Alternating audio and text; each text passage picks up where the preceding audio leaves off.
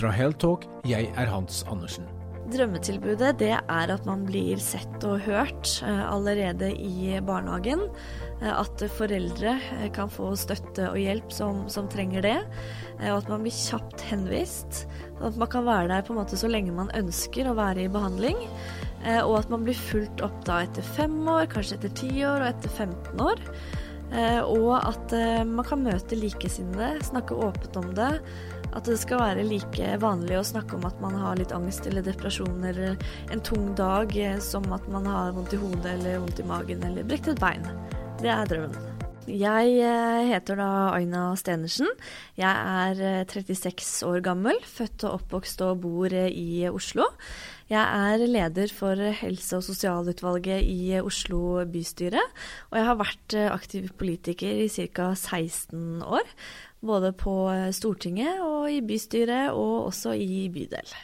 Så nå sitter jo du og har et veldig sentralt ansvar for eh, helsetilbudet i Norges desidert eh, største kommune.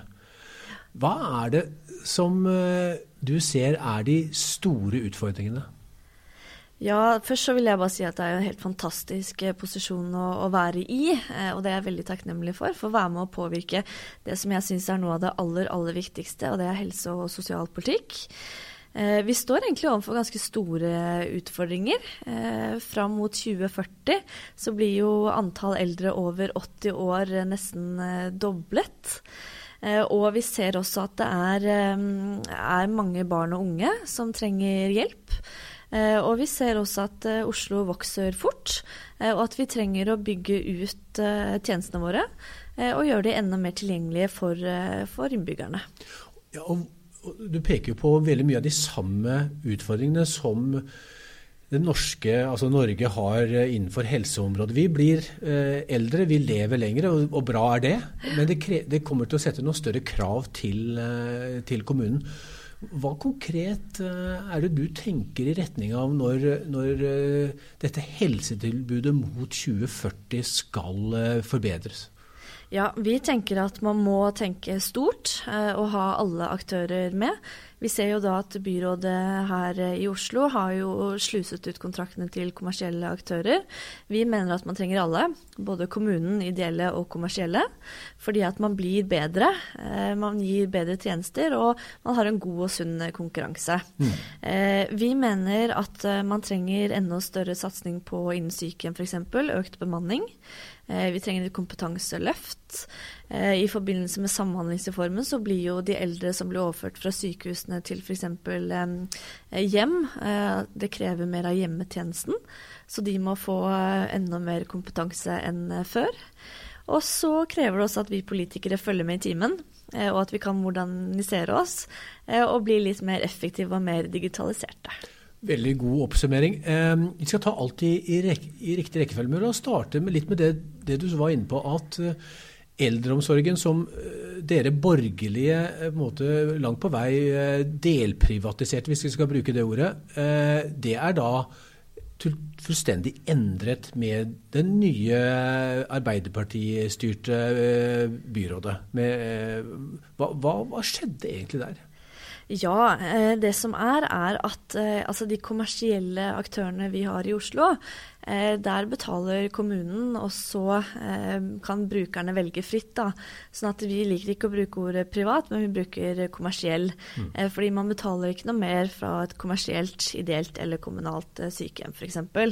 Men det som skjedde, det var at det var ideologi som ble satt i sving. Tydelig press fra Rødt.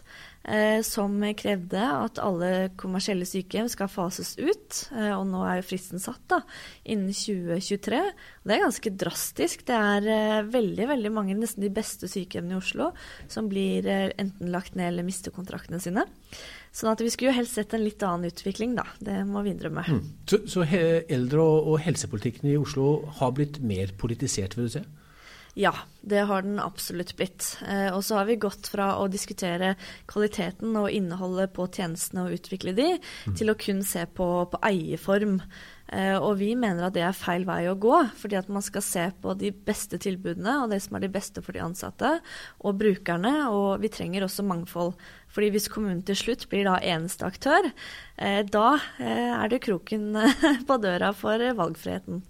Og hva, hva, vil Nå sitter jo du med en mindretalls og, og sitter i opposisjon. Hva, hvordan jobber dere for å, å motvirke dette? Ja, vi har løftet opp eh, de gode resultatene som eh, flere av de kommersielle sykehjemmene har hatt. Eh, F.eks. Frognerhjemmet og St. Halvardshjemmet og Manglerhjemmet. Det er jo sykehjem som har fått store priser og som scorer veldig høyt. Så vi har prøvd å trekke fram de positive sidene. Også at de ansatte og de pårørende og de eldre selv er veldig fornøyd. Eh, det har vi løftet fram. Og så har vi også poengtert at det er ikke det viktigste hvem som driver det, men så lenge brukeren er fornøyd og det ikke koster noe ekstra. Så, men det har vært en seig kamp, da. Så vi har møtt døra. Så vi får håpe på noen skifter ved seinere valg. Men ting er som de er. Eh, det er iallfall en stund til neste valg. Hvordan skal du som en av toppolitikerne innenfor helse i Oslo, hvordan, hvordan skal du og partiet ditt eh, bidra til at eh, helsetilbudet i Oslo skal bli bedre for eh, gamle eh, og unge mennesker? Ja, eh, vi mener at man må legge vekt på kvalitet. Mm. Eh, vi har også lagt inn fem millioner ekstra til økt bemanning på sykehjemmene. Eh, og vi satser på mat, kosthold. Så vi har lagt av en pott eh, nesten årlig på 30 millioner kroner til eh, prosjekt Kjøkken tilbake på sykehjem. God mat er veldig viktig. Vi ønsker å ha kompetanseløft. Vi ønsker å ha ulike aktører med, og det skal vi fortsatt jobbe for, uavhengig av hvem som styrer. Og vi kommer også med forslag. Vi stopper aldri, så vi bare kjører på. Digitalisering er jo en viktig bit, og du, du har også engasjert deg innenfor eh, det som, eh, som, dette dreier seg om. Eh, Oslo kommune har 57 ulike journaler for å dekke de 17 eh, ulike helsetilbudene. Eh, alt fra hjemmehjelp til akuttjenester, tannlege, fastlege osv. Hvordan kan eh, helsepersonellet jobbe på en effektiv måte når, eh, når de ikke har oppdatert journalinformasjon om eh, pasientene? Ja, det stemmer det. At det er ca. 57 ulike pasientjournalsystemer i en kommune, og ca. 17 kontaktpunkter inn til helsetjenesten. Og det er klart at det er veldig tungvint når de ulike pasientjournalene eller systemene ikke snakker med hverandre. Eh, og dette tar tid, det er komplisert. Eh, og de som skal behandle pasienten eller brukeren, får jo ikke hele sykdomsbildet.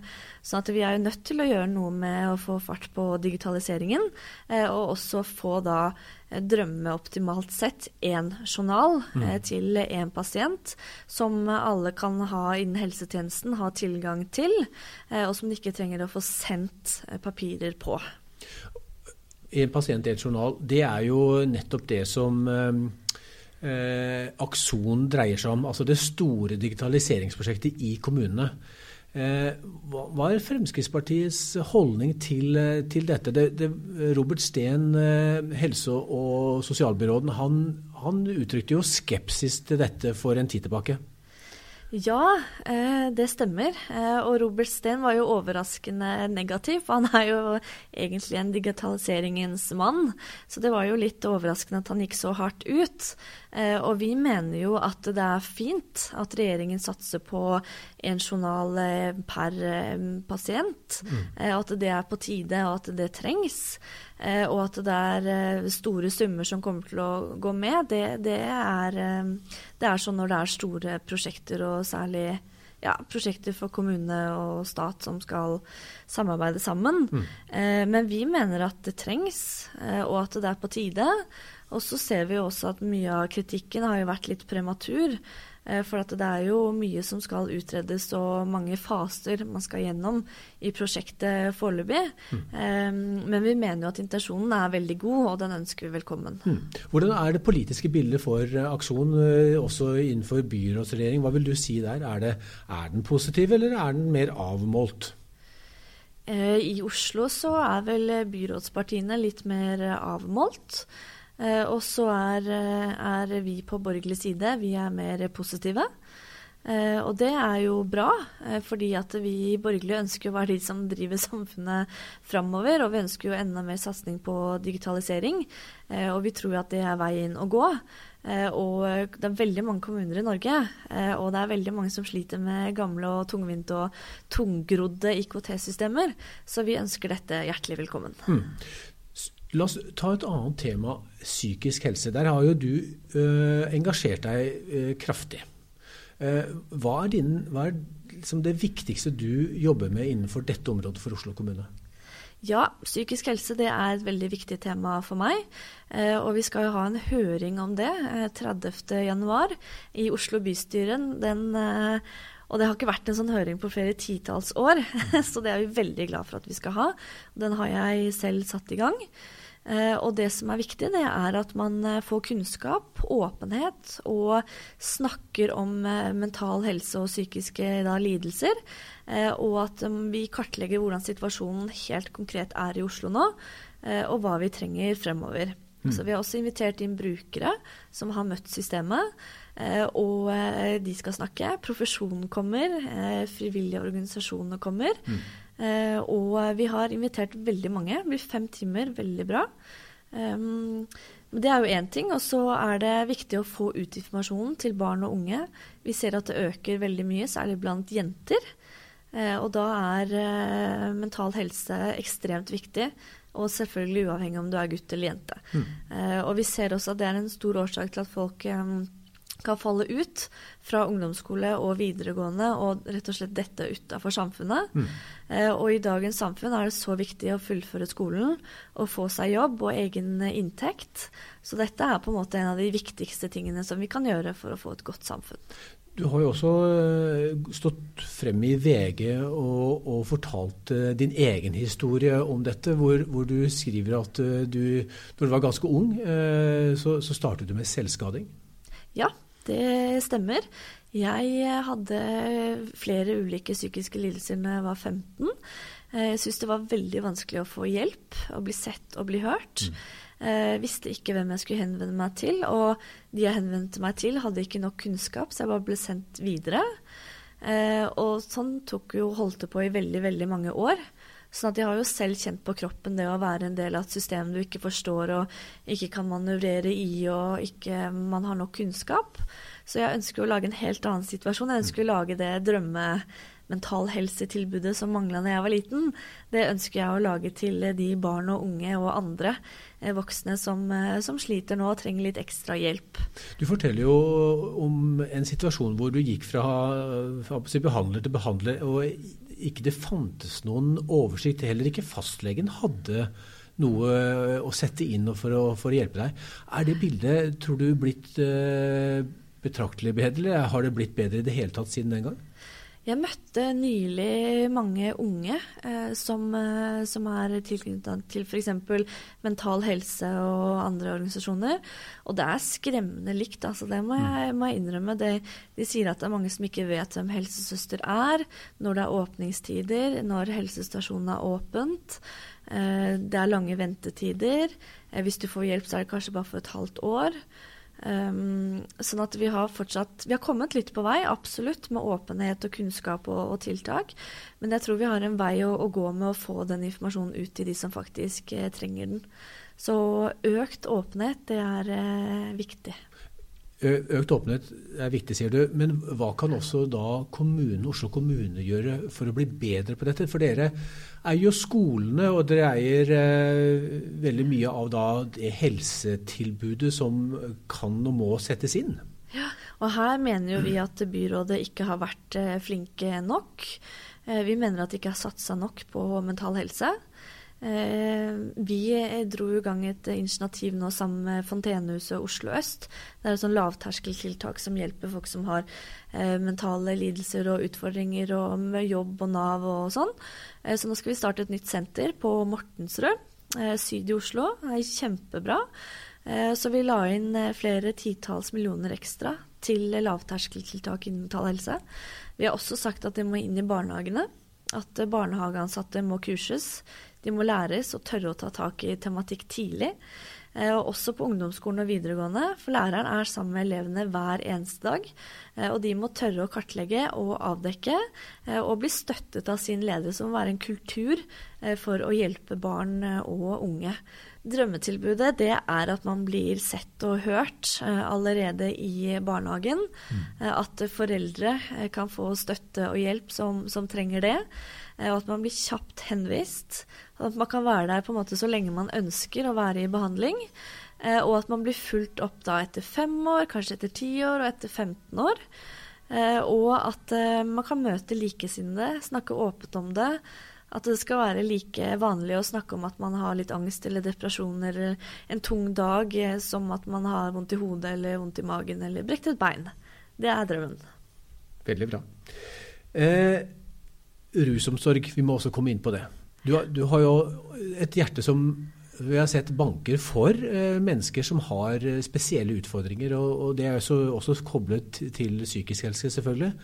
Men kort, eh, hva, hva, er de viktigste tingene som du vil gjøre for å forbedre rusomsorgen i Oslo? Jeg er eh, absolutt veldig opptatt av eh, de svakeste i samfunnet. Og jeg har lyst til å løfte de opp og sette de på en, en gulltrone. For dette er folk som har veldig mye bagasje og ofte opplevd omsorgssvikt og, og, andre ting som virkelig har preget en, som man ikke har kontroll over selv, da, fra man kanskje er veldig, veldig liten. Eh, og det jeg ønsker, det er å gi de medmenneskelighet, verdighet, eh, et sted å gå, eh, behandlingstilbud. Eh, og også muligheten til å få, eh, få, arbeid. Vi har noen fantastiske organisasjoner i Oslo, som Kirkens Bymisjon og Frelsesarmeen, som har et tiltak som heter Jobben. Mm. Eh, der kommer de rusavhengige inn. De plukker søppel. De drar ut på øyene våre og plukker søppel. de lager ting og, og får en da liten symbolsk lønn for det, i tillegg til det de får av Nav. da. Eh, og veldig mange av de klarer å opparbeide seg rutiner, et liv, og kommer ut i ordinær jobb etter en periode. Og det er jo virkelig flott. Så, så uh, Oslo kommune er jo en, en, kommune med veldig store forskjeller mellom mennesker. Mm. Altså, vi kan jo reise fra Sagene og, og bare ta bussen i fem minutter, og så øker gjennomsnittlig levealder med åtte til ti år. Ja. Eh, det er veldig dramatisk, og, og, mye av forskjellen ligger jo i rusproblematikk. Det ligger, men det ligger også i generell helse. altså Det er mye mer diabetes, andre livsstilssykdommer som, som man har eh, blant de som ikke har så god inntekt. Eh, for deg som jobber så tett med dette feltet, hva, hva tenker du om, om, disse store forskjellene som vi ikke ser i andre steder i Norge? Jeg tenker at disse forskjellene er altfor store. Og jeg tenker at det er en utfordring som eh, Oslo virkelig er nødt til å jobbe med. Mm. Det er eh, ekstreme forskjeller og veldig mange flere leveår på, på f.eks. enkelte steder på vestkanten enn på østkanten. Og jeg tror at vi må jobbe mye mer med folkehelse. Altså sunt kosthold, ut og mosjonere eh, virkelig ha gode rutiner. Eh, og tenke følge opp foreldre òg, fordi at det slike Man ser jo ofte at det går mye arv også. Altså Hvis foreldrene har lav inntekt, lav utdannelse, så er det litt større sjanse for at barna også får det. Så vi må jo snu den trenden. Mm. Eh, og det er jeg veldig glad for at vi også enkelte steder har klart. Fordi Oslo-skolen er faktisk veldig flink til å utjevne sosiale forskjeller. Eh, og det er veldig mange også med immunitetsbakgrunn, og jentene òg, mm. som blir leger og som eh, ja, er helt fantastisk flinke. da. Sånn at um, vi klarer å snu det litt gjennom Oslo-skolen, men forskjellene er altfor store, og de øker. Mm. Så det er helt klart en utfordring som man er nødt til å ta tak i og jobbe ekstra med. Tusen hjertelig takk for en engasjert samtale med, med deg. Det, det, er ikke tvil om at du brenner for god helse og for innbyggerne i Oslo kommune. Tusen takk skal du ha. Bare hyggelig. Det var kjempekjekt å ha en prat. Ja, veldig bra. Takk. Vi snakkes igjen. Det gjør vi. Hei, hei. hei. Følg oss på Facebook og LinkedIn, og ikke minst eh, abonner på eh, våre podkastsendinger som kommer hver uke. Dette betyr mye for oss om du gjør det. På gjenhør.